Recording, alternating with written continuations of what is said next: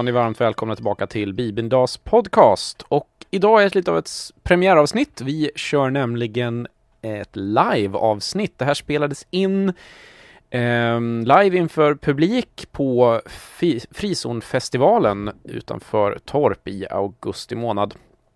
Och eh, vi har en massa gäster i eh, soffan som eh, kommer fram och talar om bibel, bibel och ungdomar kan man väl säga är huvudsakliga temat. Bland annat eh, två stycken utav eh, frizongeneralerna gästar soffan, men vi får också besök av bibelskoleelever och ungdomar som pratar om varför de stannade kvar inom kyrkan.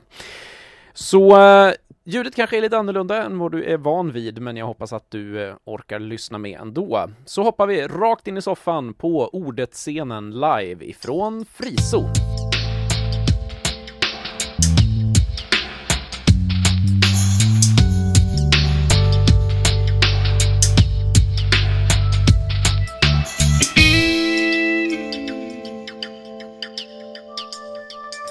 Här är de! En applåd för våra första gäster! Woo! Välkomna.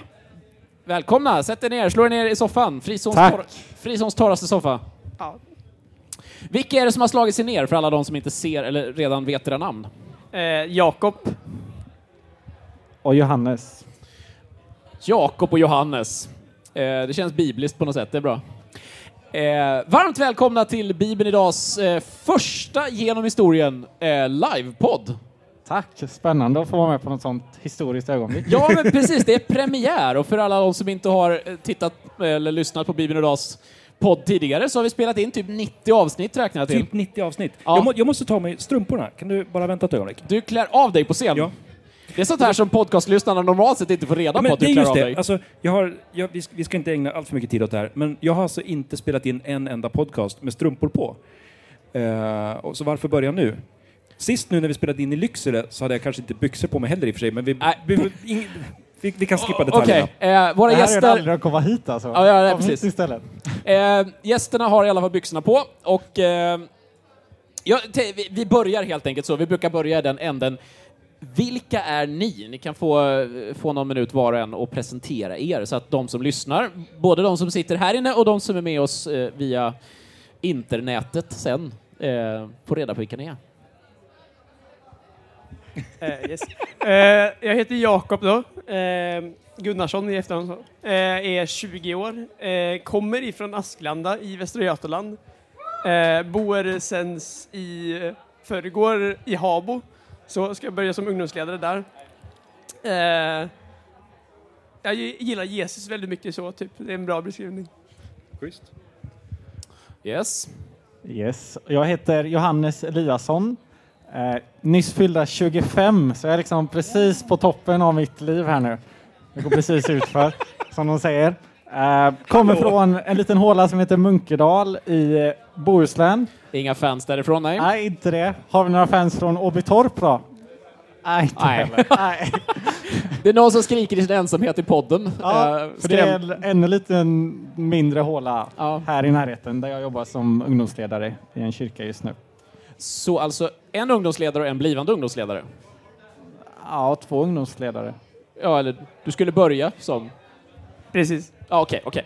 Eh, jag tänkte vi ska köra fem eh, snabba, eller det är inte fem, det är faktiskt fler frågor. Och ni får en mick var för att ni ska kunna vara riktigt snabba när ni svarar. För det här ska ju komma ifrån hjärtat nu. Ehm, så eh, vi kan börja med att eh, Johannes, du svarar först på alla frågor. Ja, Okej. Mm. Kaffe eller te? kaffe. Kaffe. Ja. Amos eller Hosea? Snabbt. Hosea. Eh, Amos. Oh, nu är det ju snabba frågor så nu tänker jag inte fråga varför, men eh, okej. Kyrkan eller stranden? Oh, kyrkan. Eh, kyrkan på stranden Beach Church. Oh, okej, okej, okej. Ha, vad läser du just nu? Bibeln. Eh, Johannes evangeliet. Ja, Ja, det gör faktiskt jag med. Oh, så där. Första låten på spellistan när du ska ha första dejten? Nu blir det svårt. Snabba frågor. Always med Bon Jovi. Oh, Kanske. kanske. Och då hade du ändå några sekunder mer i betänketid. Eh, Hymn for the Weekend med Coldplay. Oh, Coldplay. Så där. Då hade vi generationsklyftan mellan dem. Tack så mycket.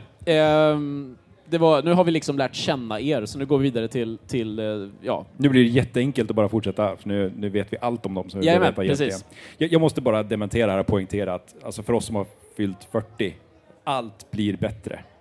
Verkligen, allt blir bättre. Så du har inte pikat till 25. Det, är bara, det har bara börjat. det har du sagt sen du fyllde 20 att allt, bara Allt blir bättre. bättre! Okej.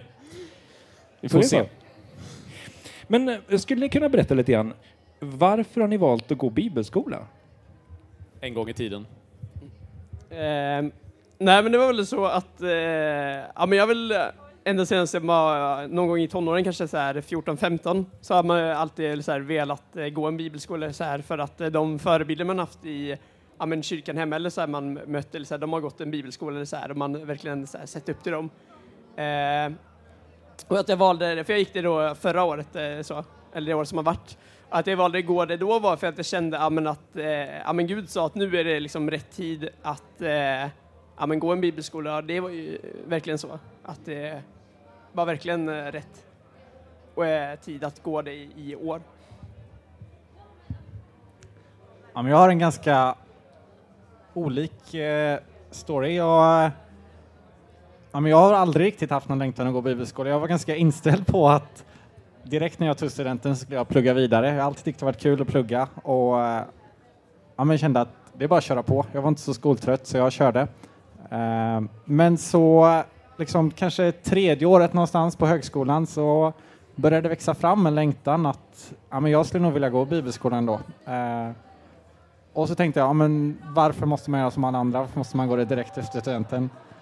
Nej, det måste man inte. Så jag valde att göra det efter jag hade pluggat klart. Och eh, det var väldigt bra det också. Jag kände nog att jag fick ut mycket mer av att göra det då när man hade en del erf- erfarenhet än om jag hade gått direkt efter studenten. Eh, så det kan vara olika när, man, när det passar liksom. Hur kom det sig att ni hamnade på Götabro?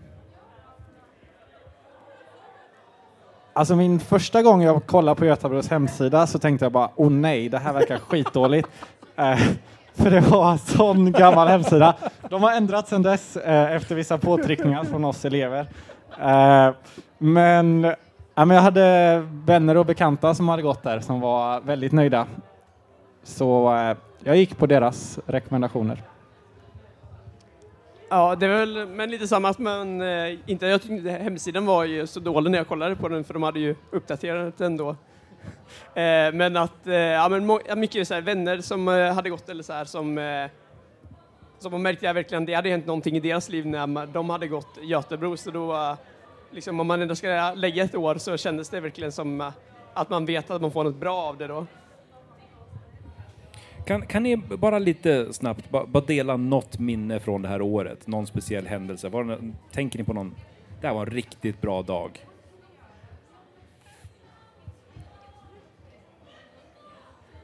Nej, de hade inga bra dagar. Det första jag kom att tänka på nu när jag sitter just i den här soffan med Olof här var ju när vi hade bibeläventyret. Precis, jag tror det var första veckan vi hade det faktiskt. Ja, det var något sånt va? Ehm, ja, men vandring genom Bibeln med skapelse och syndafall och allt vad det är genom hela Bibeln. Det var väldigt bra, långt över förväntan.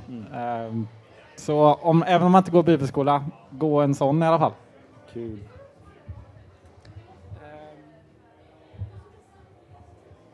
Ja, men eh, om vi ska fortsätta på det spåret eller så här, så hade vi också den vandring genom Bibeln med Olof eller så här, och att, eh, att det var, så här att eh, när man går i Götebro så får man liksom så här för att få växa i liksom i, ja men så här att hur man kan tänka liksom vad kyrka är så får man eh, ansvara för att ha både morgonbön som man har varje morgon, eller så här en kvart, så här en inledning, och så har man ett, ett eh, onsdagsmöte varje vecka så, eh, som man ansvarar för. Och då hade det blivit så att eh, min bönegrupp då, vi hade båda två den veckan, så vi hade suttit och planerat verkligen all tid på, för det här onsdagsmötet. Så då har vi ingen idé när det kommer till den här morgonbönen. Så vi kör, så här, kommer med en spontan idé att vi kan liksom så här, ja, se att det är tisdag. Eh, vi tyckte att tisdagar var skit då, för vi hade sovmorgon på måndag och så var det liksom jobbigt att gå upp på tisdagar. Så skulle någon gå upp och säga det och typ läsa psalm 23 och säga att det är när man är i dödsskuggans dal, det är liksom tisdagen där. Och då till den här gången då så är Olof på besök för vi ska ha bibeläventyret. och sen då på, liksom, innan han liksom börjar med hela den här bibeläventyrsgrejen som var verkligen bra, jag kan verkligen rekommendera, så, så liksom eh, så påpekar han ju att han alltid blir inbjuden till bibelskolor på tisdagar. Så att det, ja. Och tisdagar sög ju uppenbarligen, så att eh, ja, jag minns detta väldigt, väldigt väl fortfarande. Jag tror en grej för mig, um, alltså du frågar efter en specifik dag, men när jag ser tillbaka på mitt bibelskolår så är det just att det inte handlar om specifika dagar, att wow, då hade jag en stor upplevelse, utan den här att man får ta ett helt år där man bara hela tiden får vara med Gud, vara i hans närvaro um, och bara liksom successivt formas utifrån all undervisning, utifrån gemenskapen med alla fantastiska vänner, med ja, men att ta tid med Gud. Och att där i det lugnet, att man vet att man har ett helt år liksom. Man behöver inte stressa fram någonting.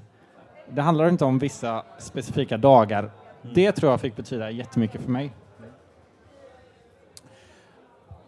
Om ni tänker tillbaka ett år, liksom, när ni kom till bibelskolan och sådär, och eh, tänker på hur ni ser på, på Gud, alltså er gudsbild om jag säger så, då, för att använda kanske krångligt ord, men är det någonting under ett år på bibelskola som ni kände förändrades? Blev, fick ni någon liksom se någon ny sida av Gud som ni inte hade tänkt på tidigare, eller som ni inte hade reflekterat över eller upplevt?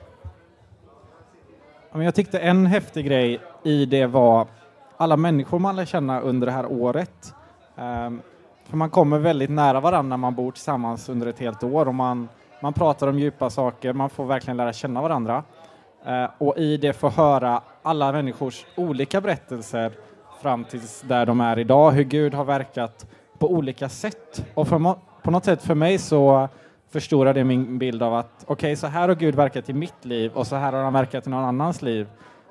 Och det gör att Gud blir större, för han kan ju verka på så många olika sätt i olika människors liv, oavsett bakgrund och erfarenheter liksom. Men jag tror också, eller som Janne säger, att verkligen att när man får se andra folks, eh, ja men det här är Gud för mig, att man får en verkligen större bild för det, av vem, vem han är. Men också att, eh, ja men det är hur, eh, hur, eller jag fick upptäcka ännu mer hur intresserad han var av mitt liv, eller så här, och and, även andra, så här, men så här, att hur mycket han bryr sig om mig, eller så här, att man fick eh, ja, men, eh, upptäcka ännu mer hur mycket kärlek han hade för mig eller så här, att då också min kärlek till honom fick eh, djupna. Och att eh, han fick betyda ännu mer än vad han redan gjorde liksom, under året, att han fick växa liksom, och ta mer plats. Det, det här med bibelläsning, har, har er, hur har det här året format er syn på, på att läsa Bibeln? Skiljer det sig någonting? Jag skulle säga att det ändå har fått eh, betyda väldigt mycket, eller så här, att det har fått forma mer eh, än vad man kanske jag tänkte eller så här, innan. Att, eh, innan så har jag, eller så här, jag har ändå läst Bibeln mycket liksom, innan jag började bibelskola. Men det som, eller så här, att man läser en, ett kapitel eller så här och så. Men det jag upptäckte, eller så här, fick eh, landa i eller under bibelskolan var att det handlar inte om liksom, att jag läser ett kapitel eller tio, eller så här, det spelar ingen roll. För att om jag läser eh, ja, men fem versar och att jag verkligen får eh, i de fem verserna höra hur Gud talar till mig idag liksom, och vad han vill säga. Att det är verkligen att eh, texten inte blir något så här platt man går över utan att det blir något liksom, som man bär med sig hela den dagen och funderar så här, att man att den eh, verkligen att det, att det viktiga är att Gud talar när jag läser Bibeln. Det fick eh, jag verkligen upptäcka under bibelskoleåret att det handlar om det. Men jag får nog ändå erkänna att jag tycker ibland att det fortfarande är svårt och ibland lite småtråkigt att läsa Bibeln. Liksom. Det, det får jag nog vara ärlig med ändå. Men för mig handlar det mycket om att ja, men Bibeln är sanningen. Liksom. Och jag vill lära känna sanningen och jag tror att det är den som på något sätt är rättesnöret i mitt liv, den som kommer guida mig framåt. Um, och jag tänker att Ja, men på något sätt, om man vill lära känna en, en bil till exempel så, så är det smart att gå till tillverkaren, gå till manualen, den som har skapat den.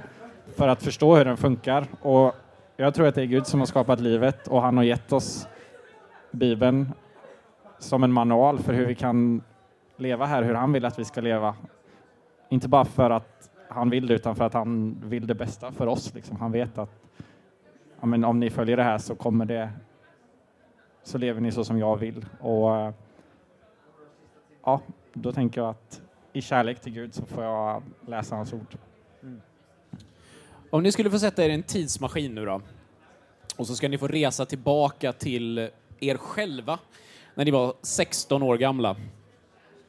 Uh, vad skulle ni vilja säga till 16 år gamla dig själv? Så här från framtiden, en hälsning liksom.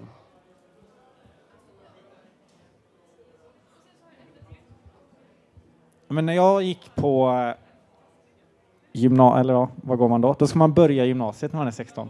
Um, ehm, jag brottades mycket med, med frimodighet, eller snarare brist på frimodighet, liksom. att, att våga stå upp för min tro. Um, och tyckte det var svinjobbigt. Uh, men i efterhand när jag väl har vågat göra det så har jag märkt att det är mycket lättare när jag väl står upp för det, när jag berättar att jag är kristen, när jag berättar att jag går till kyrkan. Det blir inte alls lika jobbigt som att tveka på om jag ska stå upp för den. Um, så våga stå upp för det. Det skulle underlättat jättemycket för mig på gymnasiet. Det skulle inte blivit svårare, det skulle blivit lättare. Jag skulle vilja säga att, eller så här, att eh, ja, men lyssna inte på riktigt det de ja, men andra i klassen eller så här, i gymnasiet så här, snacka om att liksom så här, om, eh, för jag gick eh, så här, natur på gymnasiet och det är mycket så här, ja, men snacka om eh, typ ingenjörsjobb och det ena och det andra är så här, att det är mycket så här, ja, men fokus på pengar, fina saker, liksom en bra utbildning och allt så. att eh, ja, men det är inte det som är viktigt utan att eh, ja, men, eh, fortsätt liksom att, eh, att, att fortsätt söka Gud skulle jag vilja säga sagt till eh, mig som 16-åring att det är så här, att ännu mer fokusera på det liksom, för det, det är så mycket bättre liksom. Det inte, går inte att jämföra med liksom att eh, okej, okay, du har ett fint jobb, men att, att få se liksom vad, vad Gud vill göra, det är så mycket större. Det är så. Tack så mycket, Jakob och Johannes, eh, för att ni var med. Nu ska vi eh, ta och hoppa vidare här i eh, listan av gäster. Och eftersom vi hade Jakob och Johannes så fortsätter vi på J. Jag tror att vi har två gäster till på J, på väg upp. Välkomna! En applåd till Jakob och Johannes. Woo! Det ska sägas också att vi nästan håller tidsschemat. Vad sa du? Vi håller nästan tidsschemat också. Vi håller tidsschemat, ja. Absolut, vet du. Här har vi koll. Eh, nej. Eh, nu var det så att vi fick upp en gäst på J. Han Eh, kommer. Det är så han- vi jobbar liksom. Ja, switchar. precis. Eh, vi, vi, vi, den första gästen kan få berätta vad den första gästen heter. Jag heter Julia Martinsson. Hej Julia! Eh, Hej. Åh, här kommer även Här kommer Josef. han.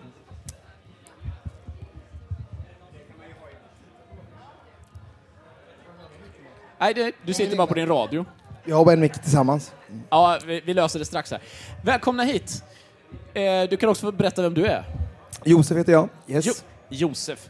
Så Josef och Julia, vi fortsätter på temat J som sagt. Eh, ni är här för att ni har en lite att göra med frizon i år, kan man säga. Ja, men det får man nog eh, säga. men vi är nog mest här för att vi har mycket att göra med fristånd, skulle jag säga. Ja. precis. Vad va, vad är det ni eh, gör, så att säga? Vi jobbar som projektledare för Frizon. Ja, Ja. så det är ni som är cheferna helt enkelt? ja, men det kan man säga. Ja, ja. Vi ska Jag börja. brukar tänka som en upp, uppvänd pyramid. Vi är längst ner och så ska vi ba- balansera pyramiden. Och nu visar han en upp och nervänd pyramid Ja, här. ja precis. Exakt. Ja. Nu är ju det här en podcast, så, så tittarna som, som lyssnar på det här, tittarna, de som lyssnar på det i efterhand kommer ju inte se den här bilden, men just att du, du sprang iväg för att ta ett telefonsamtal och nu sitter du lite lätt röd i ansiktet och, och snabbt får i dig lite energi. Eh, är det mycket att göra nu alltså? Nej, men nu, nu njuter jag bara här. Det är därför jag äter glass. Ja. Att riktigt eh, visa eh, min tacksamhet och min eh, njutningsnivå och min glädje. Min glädje. Så är det. Jag, jag har inte träffat någon av er tidigare. Eh, så hemskt roligt att, att, att träffa er. Och för att lära känna er lite bättre så tänkte vi att vi ska slänga ur oss några snabba frågor. Eh, bara för att få en bild av vilka ni är. Eh, ni har varsin mick nu. Jättebra. Är det en tävling? Det är ingen vad tävling. Hade du vunnit då? Nej, men vi, vi brukar tävla om vem som är bäst. Jag, jag kan berätta sen facit efteråt. Vi har Ja, vad som var rätt och fel svar. Perfekt. Då börjar vi. Favoritmat på frizon? Jag har inte hunnit äta alla än. Jag kan inte svara än. Jag kan inte får det. fråga på söndag. Det var fel svar kan jag säga. Okej, ja, Woken skulle jag säga. Det är för det är min mormor som steker den. Så man, vill ju, man tycker ju om hennes mat. Jag förstår. Tält eller husvagn? Husvagn. Husbil.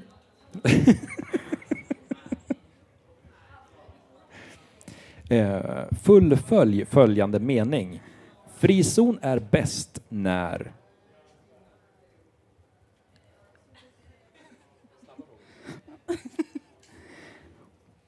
När det händer. Mm. Frizon är bäst när det gäller, skulle jag säga. Då. jo, men alltså det är ju frizon här annars. Då är det ju, då är det ju frizon hela året runt annars. Då är det ju, då, när det inte gäller, då är det inte så mycket. Men Okej. just när det är frizon, då är det alltså bäst. Då gäller det. Jag förstår. Vi, vi provar till. Tydligt. Eh, bästa duschtiden på frizon? Eh, mellan 04 och 06. Ja, instämmer. Är det hypotetiskt eller? Ja, det, är, det är riktigt sant. Du vet det här? Har du varit vaken då? Reg, eh, egen eh, erfarenhet. Okej. Okej. Ehm, jag har inget sånt här eh, fancy backstage-pass, men jag ser att alla ni andra som sitter här har såna här. Vad är bästa fördelen med att ha en sån? Eh, jag skulle mest tro att det är nackdelar för att du behöver eh, sköta det lite mer. Du kan inte springa runt och du kan inte skrika i samma mån och du kan inte... Utan du måste eh, uppföra dig lite mer och sådär. Så det är snarare det det innebär skulle jag säga. Ja, man kan ju springa runt och skrika, det är ju det vi gör, men eh, ja, under ansvar då. Wow, skrika under ansvar. Det låter bra. Har ni varit med på frizon förut? Ja. Ja. Vad är bästa frizonminnet? Var, det inte Börjar den, var inte den frågan ganska naturlig att ni skulle få? Jo, jo, jo, men, jo, men verkligen. Ehm. Bästa frizonminnet är nog när jag träffade min bästa kompis här skulle jag säga. Eh, vi träffades på dansgolvet i Dimman för eh, x antal år sedan. Så det ju, har ju gett mig mycket glädje i livet. Yes. Hur träffades ni där? Sprang ni på varandra? Nej, men eh, tänk dig ett, eh, du är 15-16 och du, det är liksom, du får vara med om ditt riktiga första ordentliga kyrkrave liksom. Och det är ett tält och det är mörkt och det är svettigt och det är lerigt. Och så bara ser du en annan galen kille och så bara, ja, resten är historia. Yes. Eh, jag tycker att Niellos spelning förra året var väldigt bra. Jag minns att jag gick in där och bara wow, det här händer. Och vi bara stod och bara "Åh, vad händer? Det här är världens bästa festival. Men jag, hopp, jag hoppas att det, det bästa minnet ska få bli från det här året. Exakt. Ja. Ja, eller hur? Ja, det var så roligt, jag var inne på, det finns ett frizonmuseum här för de som lyssnar. För er som sitter där och inte varit inne så får ni gå in och titta sen för att det är helt fantastiskt. Och jag hittade programmet ifrån 2001 som var mitt första eh, och insåg att där i kunde jag hitta liksom seminariet som förändrade mitt liv. Så, så där är ganska roligt. Liksom. Men, men det är min, frizon är ju en del av min historia, precis som för många andra som är här nu under 20-årsjubileet. Så det man får fråga den frågan till många tror jag här under veckans gång. Liksom. Och Vad du, är och du är en del av Frizons historia. Ja, också. jag är Det det historisk som är så enkelt. fint att det är liksom alla Så om du har tid det. över så kan du gå och ställa dig inne och liksom Ja. jag är ett Jag är Levande-. Alla över 30, de borde ha liksom plikt att stå lite där inne för att det ingår liksom i museet. Ja. Jag, jag gick igenom eh, museet också och hittade min syster på en bild, så jag var tvungen att fota av och skicka till henne. Och hon förfasade sig över att hon nu hade blivit ett museiföremål. um, det här med, med målgrupp. För vem är frizon? Eh, på pappret så är det de, först och främst de mellan 16 och 19 som är vår primära målgrupp. Eh, och även i år då eh, 15, sänkt åldersgränsen. Men självklart så är det för eh, äldre också. Vi, eh, lockar många unga vuxna och det är vi otroligt glada för. Att det får vara en plats där man får fortsätta växa. Eh, så. Jag tänker så länge man känner sig eh, så länge man inte känner sig för gammal så är man välkommen. Man är välkommen om man känner sig för gammal också. Men... Det Det, är, är det inte så fortfarande att man eh, kan komma in billigare eller till och med gratis om man är pensionär? ja, eller över 50.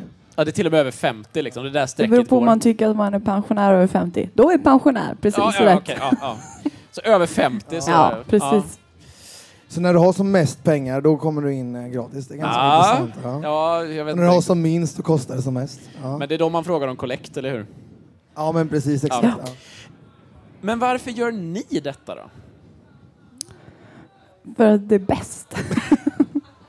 Nej, men jag tycker verkligen att den här festivalen är hur bra som helst. Och att få vara med och göra den och få skapa den är en stor ära. Mm. Det är därför jag gör det, för att jag tycker att det är så bra. Mm. Det blev så.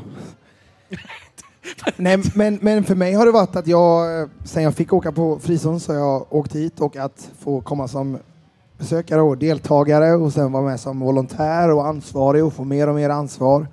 Eh, och, och sen så få möjligheten att inte bara eh, ideellt utan få jobba med det i hela sin vakna tid i princip. Nej, men att få ha det som jobb, det är ju en otrolig välsignelse och förmån.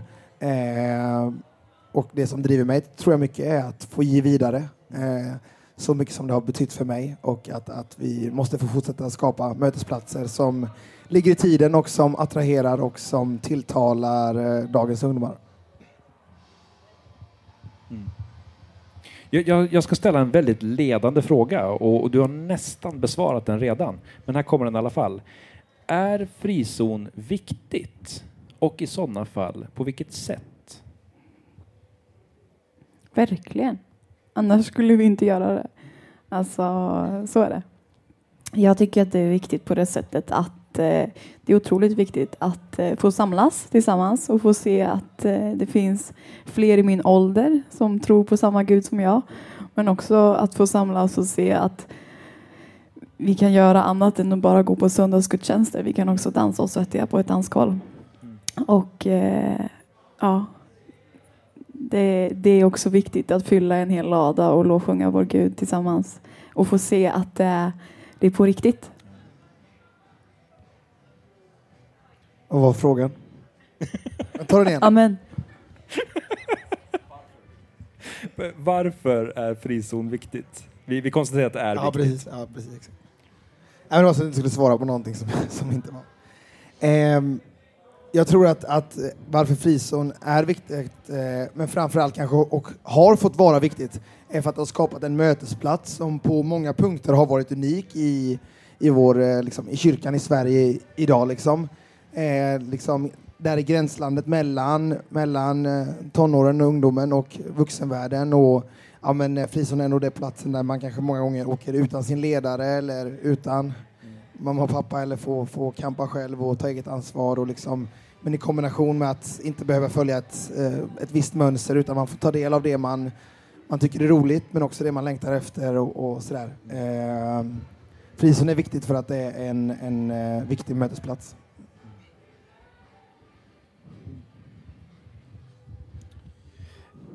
Nu har ni varit med i planeringen också av frizon och sådär, så att ni har ju lite så här, bakom kulisserna-känsla så.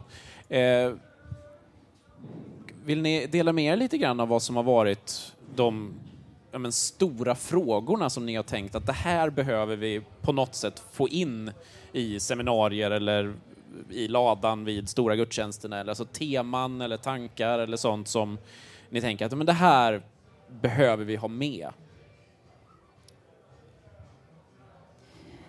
Ehm, redan på hösten så sätter vi ju temat för eh, festivalen och sen utifrån det så jobbar vi fram ett program.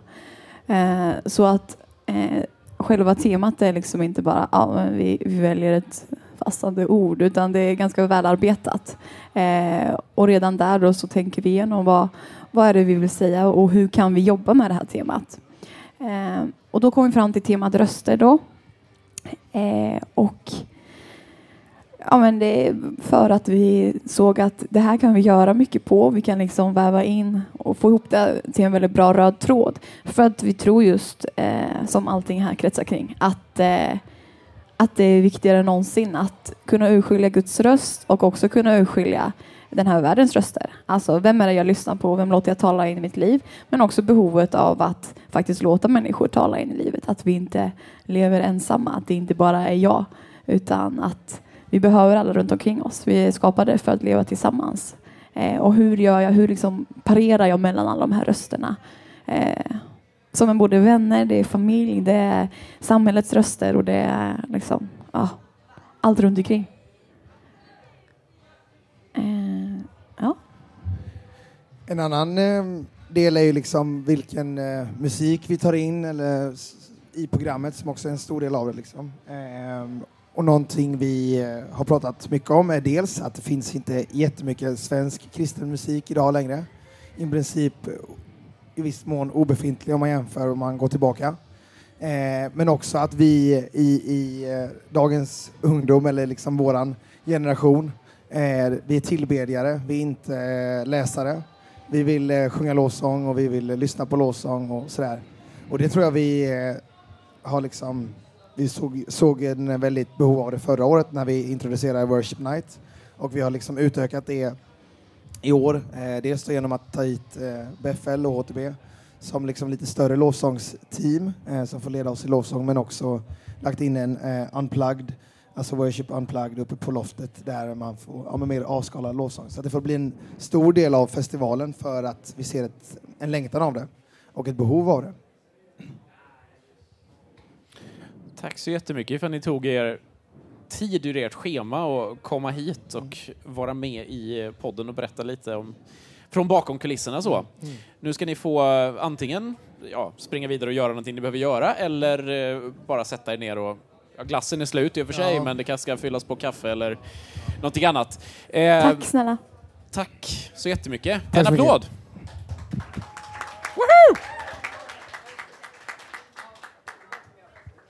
Och eh, under tiden som vi släpper upp de eh, sista två gästerna på scenen, som tyvärr ingen av dem kan ståta med, ståta med ett namn på J. Eh, jag vet inte riktigt hur ni ska fylla de här skorna. Eh, det, nej, det, nu blir det rörigt här. Okej. Eh, det var mickarna som började skickas fram och tillbaka. Så kan jag bara tipsa er som är här om att det finns en eh, man kan eh, köpa lite fika om man eh, tycker att man behöver tugga på någonting eller dricka någonting under tiden som vi fortsätter här. Välkomna vänner! Eh, tack. Tack, tack, tack. Ehm, på scenen nu så har vi fått upp eh, Linnea och Veronica. Vilka är ni då? Vi är Linnea och Veronica. Åh, tack så mycket! Skulle ni för de som då inte känner er kunna säga några fler ord om... Eh, du kan ju få berätta om dig själv tänkte jag Linnea, så kan Veronica få berätta om sig själv. Ja, eh, jag heter Linnea Hjelmstedt, kommer från Uppsala. Eh, jag, eh, just nu har jag sommarlov, men förra året gick jag bibelskola med KRIK och nästa år kommer jag teama för Ny Generation. Så, Så- det är lite vad jag. Wee! Mittemellan eh, här. Precis. Ja. Så du har fortfarande sommarlov alltså? Eller så är jag arbetslös, det vet man aldrig. Nej, det var det jag undrade var du stod i livet så. Ja. Jag heter Veronica och jag har sommarlov. Du har sommarlov fortfarande? Ja. Ja. Eh, och eh, Bo kommer också från utanför Uppsala. Eh, och tog studenten för två år sedan och har lekt runt sedan dess. Lekt runt. För de som då inte känner dig, vad innebär det? Jag har eh, jobbat och eh, rest och eh, jobbat lite mer och, och flyttat till Gotland och eh, eh, nu haft sommarlov eh, där jag också har jobbat. Ja. Men jag har jobbat med olika saker. Ja. Och i höst ska du? Gå bibelskola i Jönköping. Ah. Ohoho. Så nu har du hört lite grann vad det är som liksom komma skall här. Ja, misstänker. Ja. Vi tänkte vi ska göra samma sak med er som vi gjorde med eh, våra andra gäster här också. Ni ska få lite snabba frågor. Och som ni förstår så är alltså tanken att ni ska få, förs- få försöka svara ganska snabbt på dem. Okej? Ja, ni är redo? Jo. Eh, Linnea, du kan få svara först. Så vet vi vem som går först hela tiden. Så här. Ja. Okej. Ja. Okej. Hur många frizoner har du varit på? Två. Fem. Fem alltså. Wow. Alltså får man räkna med det här? Ja, Ja, fem. sådär. Veteran i gänget. Visst, Okej. Bästa maten på frizon? Hamburgare. Wok. Frizons bäst bevarade hemlighet? Eh, fortsatt bevarad. Oh! Den vet vi inte än. Jag tänkte jag skulle få ur någonting här, men nej, okej. Nej. Icke. Ehm, nej, nej, den gick inte. Tänkte, ibland funkar det ju så. Årets måste? Komma till Krickmontern. Bada i kalkbrottet. För det är så varmt. Okej. Är det fortfarande varmt ute? Jag har inte varit ute på en stund. Jo, Okej. Lovsång eller undervisning? Lovsång. lovsång. Du ser, ni svarar ungefär som han sa alldeles nyss här, Josef. Och sista. Ångrar ni redan att ni har sagt ja att vara här? På scenen? Nej, inte Nej, än. inte än. Okej. Schysst. Eh, Som, som jag har förstått det så har ni bägge två eh, vuxit upp i, i kyrkan, praktiskt taget uppfödda i, i, inom kyrkvärlden. Ja. Ja. Ja. Hur, hur ser er väg hit ut? Vår, vår, vad sa du nu? Din, din resa Jaha. i livet? Börjar från början. Jag föddes, Jag föddes den... Nej. Menar du inom kyrkan alltså? Ja, Inom kyrkan? precis. Ja. Jag är uppvuxen i en ekumenisk församling ehm, i Storvreta. Och där har jag varit sedan jag var sex år och är fortfarande där. Det är inte mer spännande än så. Jag trivs väldigt bra Men, där men också, hur faktiskt. tror du att det har format dig? Eh, oj. Jag tror min församling har format mig ganska mycket. Eh, de har ju liksom, jag har växt upp med dem. Så det är inte bara mina föräldrar utan det är hela församlingen som har format mig. Eh, och sen kanske just den typen av församling har format mig också. Men jag har liksom inte riktigt haft de diskussionerna med andra, och kunna jämföra. Eh, men jag kan tänka mig att det stor skillnad att växa upp i en annan församling än just min. Eh, jag ska svara på samma? Ja. Jag eh, är med i samma församling. Woho! Eh, och jag gick, ja, har varit med där sedan jag var minst, höll jag på att säga, sedan jag föddes.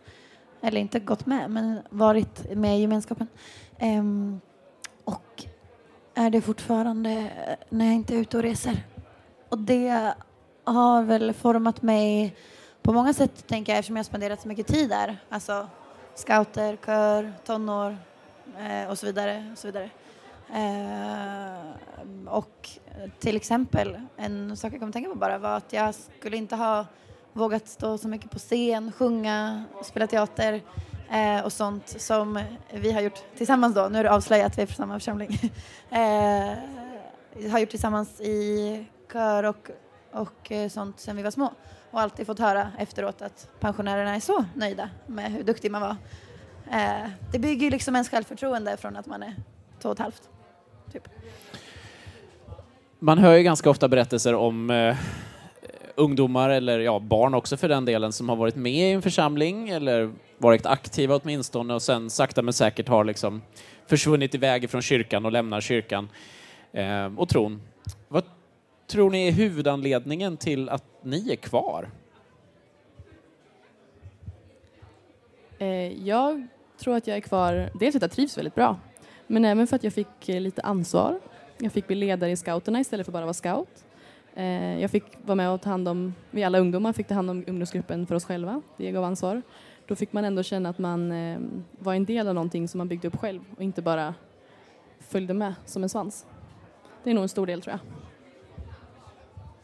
Ja, jag tänker också det att man fick vara med och eh, tycka och eh, eh, påverka lite. Så. Sen kan jag inte påstå att jag var med, jag gick, har gått till kyrkan varje söndag sedan jag var ett. Eh, och beroende på hur det har passat med tider och hur det har passat för det är mycket annat som har hänt också.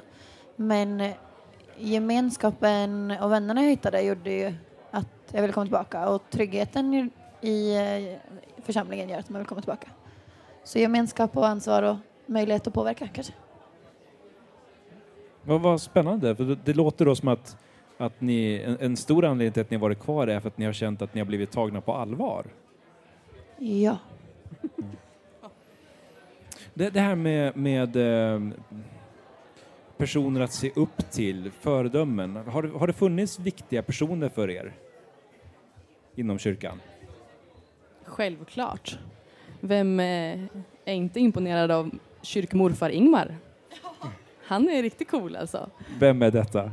Det är en eh, äldre herre i vår församling som väljer att spendera sin pension med att gå och hjälpa skolbarnen på skolan i Storvreta eh, och leka med barn på rasterna och har då blivit utnämnd till skolmorfar.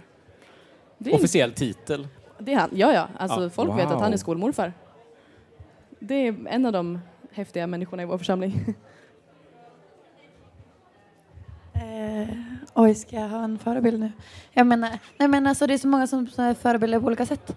Eh, jag tänkte bara på, ja men tillbaka på det här med uppskattningen och uppmärksamheten eh, ur en positiv bemärkelse. Att, eh, ja men hur många det inte är som bara, alltid kanske jag inte kunde namnet på dem för att ja, mamma och pappa kunde namnet på dem och de hälsade och de var glada så det hälsade jag också. Eh, men som visste vad jag hette och som sa att jag var duktig och som eh, uppskattade att jag hade varit där. Liksom. Det betyder mycket för mig. Tror jag.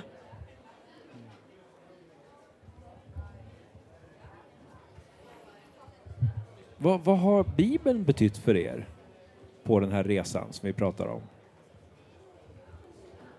Ehm, tyvärr inte jättemycket tror jag, förrän de senare åren. Eh, I början när man var liten så var ju Bibeln den där jättetunga boken som eh, man ibland öppnade upp och hade en rolig, ett roligt drama ur, eller en eh, sång, eller vad man annars kunde hitta på. Eh, och det var ju jättekul, så i början var Bibeln nog ett ställe för inspiration och något som man läste i kyrkan. Men tyvärr inte så mycket hemma. Eh, Men, men du sa inte i början. Var det någonting som förändrades? Ehm, man slutade kanske söndagsskolan, började läsa lite mer bibel i, i själva kyrkan. Eh, och sen gick man bibelskola och då får man läsa mycket bibel. Eh, ja, alltså är det definierat Bibeln som boken då? Alltså, eller är det så här Bibeln, jag tänker, eh, ja, det jag tänkte när du sa det var eh, att det har ju ändå, även om jag inte alltid läst Bibeln själv, så har jag uppväxt i en kristen familj med, och i kyrkan då, som har gjort att jag har ju, det har ju Bibeln som budskap, eller vad man ska säga, har betytt mycket för mig även från när jag var liten eftersom jag eh, fick höra massa skåde, eller så här, teatrar eller fick spela musikaler om den där eh, snubben som älskade alla barnen eller fick höra ja, olika eh, Eh, ledord eller sånger eller eh, teaterrepliker som fortfarande sitter i huvudet typ. Eh, med just ett kärleksbudskap, ett, eh, ja, på olika sådana sätt som gör att när, um, under ja, men första eh, x åren av min uppväxt så kanske jag inte läste mycket bibel själv men det var ju mycket bibelord som snurrade i huvudet liksom genom teatrar, sånger, böner, eh, lekar och sånt.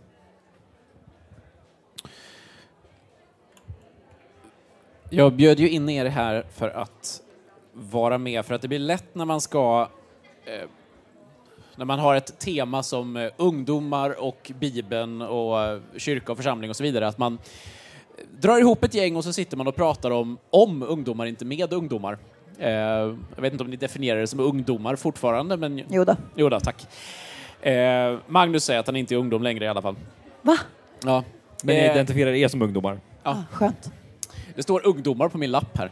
Eh, ja, vi, vi lyssnade ju här tidigare till vad Julia och, och Josef sa om eh, hur de hade tänkt när de, när de satte ihop frizon. Om teman som de tyckte var viktiga och de lyfte då främst det som blev huvudtemat här till, till frizon, det vill säga röster, Guds röst och andras röster och sådär. Eh, I en undersökning som finns presenterad i ett material som kallas för Losing Heart så gjorde man en stor undersökning i England, Skottland och Wales där man frågade över 2000 kyrkor eh, vad de undervisade om eh, när man då undervisade ungdomar. Och eh, sen frågade man ungdomarna själva eh, vad de ansåg vara viktiga frågor att ta upp i kyrkan. Och eh, en sak som är ganska slående väldigt fort här, det är ju då att kyrkorna säger det här undervisar du om. Och ibland när jag nämner den här undersökningen så brukar jag fråga de som finns med i rummet. Nu är det väldigt svårt för att det är svårt att höra vad folk säger, men eh, jag kan säga så här, kan avslöja så här att när kyrkorna svarar vad de tyckte var viktigt att ta upp så svarar de till exempel ja, grundsanningarna om kristen tro, personlig bibelläsning, bön, familjeliv, eh, social rättvisa, där har vi en topp fem som församlingarna själva sa. Men när man frågade ungdomarna så såg det lite annorlunda ut. Och ni som sitter här inne, ni kan ju få gissa för er själva eller prata tillsammans där ni sitter. Vad tror ni att ungdomarna, de här 2000 församlingarnas ungdomar för, ja det är ett år sedan, fick de svara på det här. Vad tyckte ungdomarna var viktiga frågor som de ville att kyrkan skulle ta upp? Och du som lyssnar på podcasten i sig kan ju pausa och bara fundera och skriva ner en lista. Vad tror du att de gissar på? Nu vet ju ni vad som är toppnoteringen här. Men eh, jag ska läsa. Eh, för det finns nämligen en sak här som dök upp som i absoluta toppen, faktiskt överlägsen alla de andra. Och det var att ungdomarna kände ett stort behov av att prata om mental hälsa och ohälsa då. Eh, och jag har jobbat som ungdomsledare också. Jag har också sett det här med att barn och ungdomar mår dåligt helt enkelt. Eh, är det här någonting som ni känner igen? Tycker ni att det här, den här bilden är rättvis? Med vilken bild? Bilden jämför med församling och ungdomar? Ja, både det, Intresse. men också att, att det finns ett intresse av att prata om de här frågorna. Slåss om micken. Jag tror att det finns ett väldigt stort intresse hos folk. Eftersom att det är ett... Det berör många. Många har varit med om det här eh, i mindre grad eller stor grad. Alltså alla, de flesta har, känner någon eller har själv varit med om det här. Eh, och då i kyrkan inte tar upp det är ju kanske lite tråkigt. Ja, eh, jag tänker det är jättebra som du sa i början. Det är så vanligt att vi pratar om varandra och inte pratar med varandra. Eh, och skulle nog vilja hävda att jag ganska tidigt när jag växte upp kunde känna att jag, ja men ganska tidigt, då menar jag typ mellanstadiet kanske, kunde känna att så här, "Huh, psykisk ohälsa, det vore viktigt att prata om. Eh, det känns angeläget ehm, att prata om.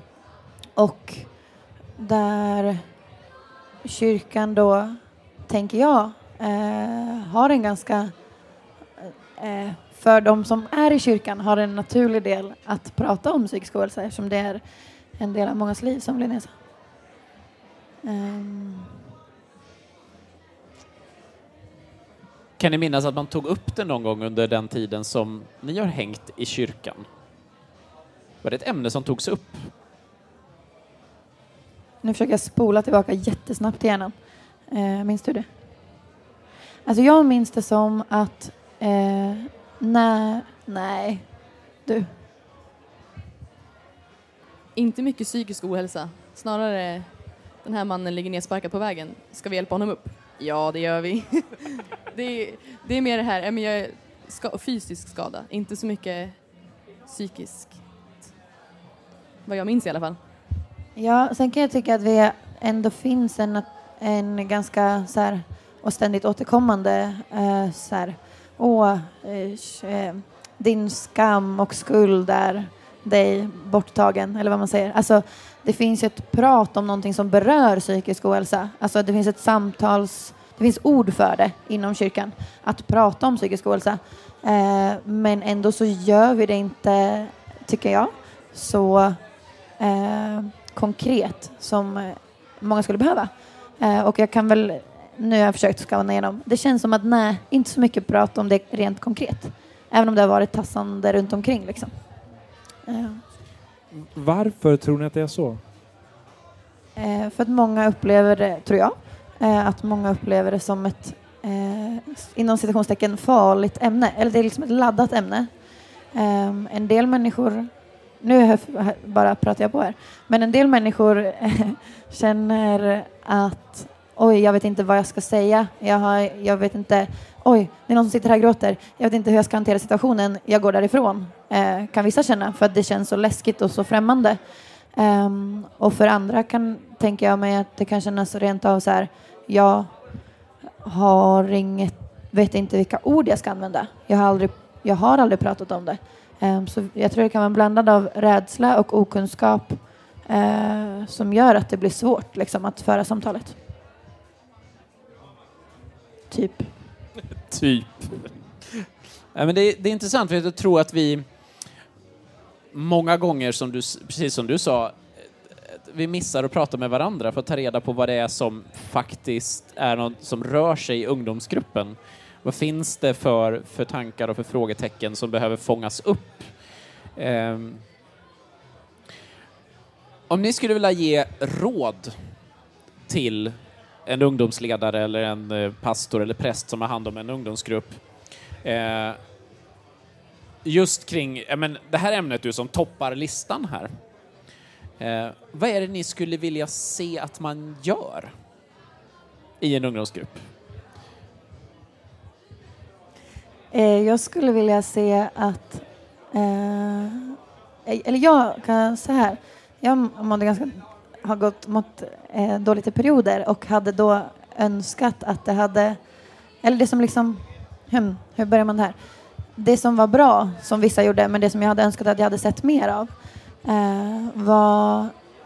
Eh, ja, men dels samtalet kring att så här, okej, hur eh, det här är en grej. För alla vet att det är en grej. Psykisk ohälsa är liksom inget man kan sopa under mattan längre för det är ändå så pass eh, aktuellt för så pass många. Och att då kunna föra samtalet i gruppen eh, i stor grupp eller i smågrupp beroende på hur, hur många man är. Eh, så här känner Aha, bara lyfta frågan. Känner ni någon som mår dåligt? För då behöver det inte vara specifikt en person. Du, mår du dåligt kan du ställa dig här på estraden och berätta. Eh, utan det kan vara väldigt liksom, öppet. Så här, ja, men, hur är det i klassen? Eh, känner ni någon som mår dåligt? Eh, hur, vad, vad pratar man om då? Ehm, för att liksom ta det till en vardaglig och be, väldigt basic nivå och sen kunna lyfta det vidare därifrån. Eh, för att det är inte alla som känner att det här är läge för mig att prata om min egen psykiska ohälsa när man sitter i en grupp med människor som man kanske känner, kanske inte känner. Medan väldigt, väldigt många kan ändå börja i jo men min kompis eller jo men min granne eller syskon eller kusin eller vad det är. Eh, så det skulle jag vilja eh, se mer av att man börjar där. Och sen också lite eh, en sak som man kan ta vara på som vi redan har i kyrkan är eh, den stilla stunden i andakten. Ehm, vi hade en ungdomsgrupp eh, som många ungdomsgrupper tror jag ser ut i Sverige idag. Med blandad gra- grad av kristna. Um, eller människor som själva kände att de trodde. Men under eh, perioder så försökte vi ändå upprätthålla den här andakten. uh, och ha en stund där vi samlades, tändes ljus och det kanske delade någonting, kanske inte så mycket, sjöng lite. Um, och det blev betydelsefullt för samtliga i gruppen har vi fått reda på efteråt. Eh, att det blev en stund av liksom allvarsamhet som man inte alltid får i samhället idag. Ehm, att liksom få en stund av bara så här, okej nu kan jag andas, nu kan jag känna efter, tänka efter eh, i bara fem minuter kan vara så meningsfullt eh, för att man inte gör det.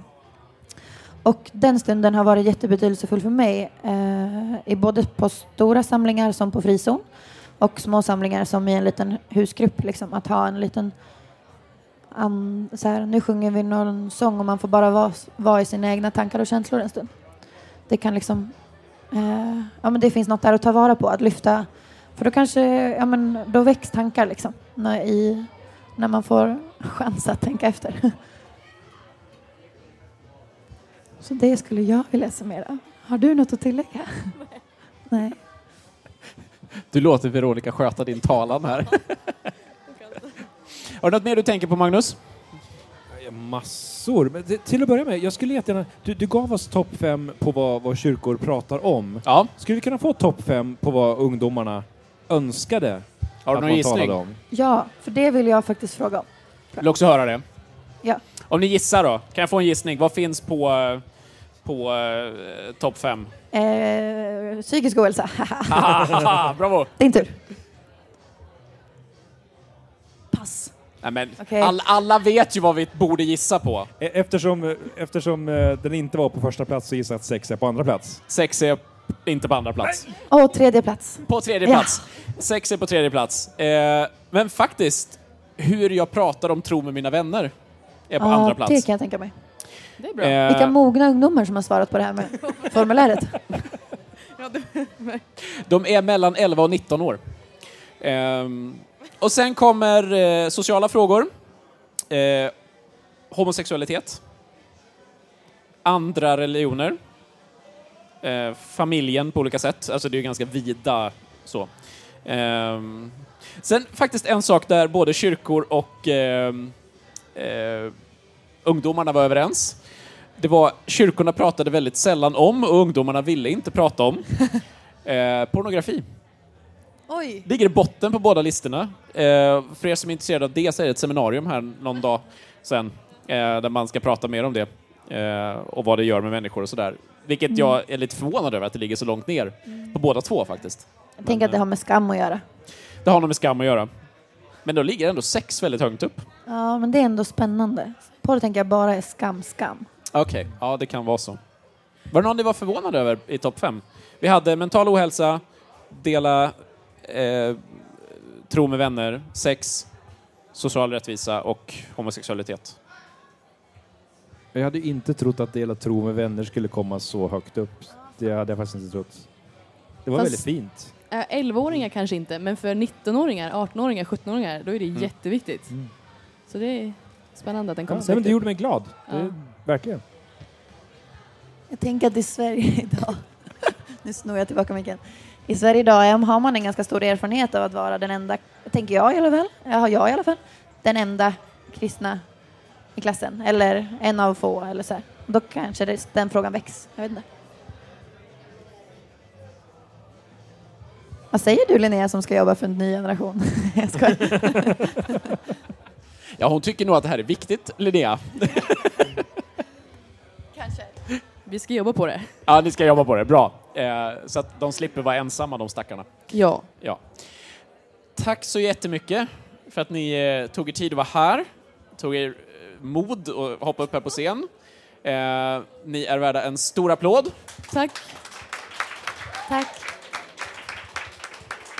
Och eh, självklart, alla ni som är här inne, gå bort och eh, prata med Krickgänget och Ny Generationsgänget. Eh, för du står inte i Ny Generationsmontern nu va, Linnea? Nej. Du är krickare hela vägen. Ja. Ah, Okej, Än så länge. än så länge. Men sen till hösten, då, Då du. då blir det Ny Generation. Då med det så tackar vi alla er som eh, har lyssnat, både här live i, på Ordet-scenen och ni som har eh, lyssnat via nätet. Vill ni lyssna på detta i efterhand eh, eller lyssna på det själva, ni som så, så, Nej så kan ni antingen bara söka på Bibeln idag i valfri sån här podcatcher, eller vad det heter så snyggt. Och så kan man kolla på podcast.bibelnidag.org också. Man brukar kunna hitta det, bara man kommer ihåg att det var Bibeln Idags podcast. Så. Tack för nu. Och eh, som avslutning ska vi väl nämna då att eh, kaféet är öppet, man kan fika. Eh, finns lite utställningar att titta på och imorgon kör vi nytt program igen. Klockan ett, tror jag, är första delen. Precis. Då ska det bli 13 sätt att, eh, 13 verktyg för att höra Guds röst i Bibeln. 13 stycken. 13 verktyg klockan inte 12, 13. inte 14, utan Nej. 13. 13 klockan 13 kör vi på. Då kör vi igen. Tack så mycket Magnus. Tack.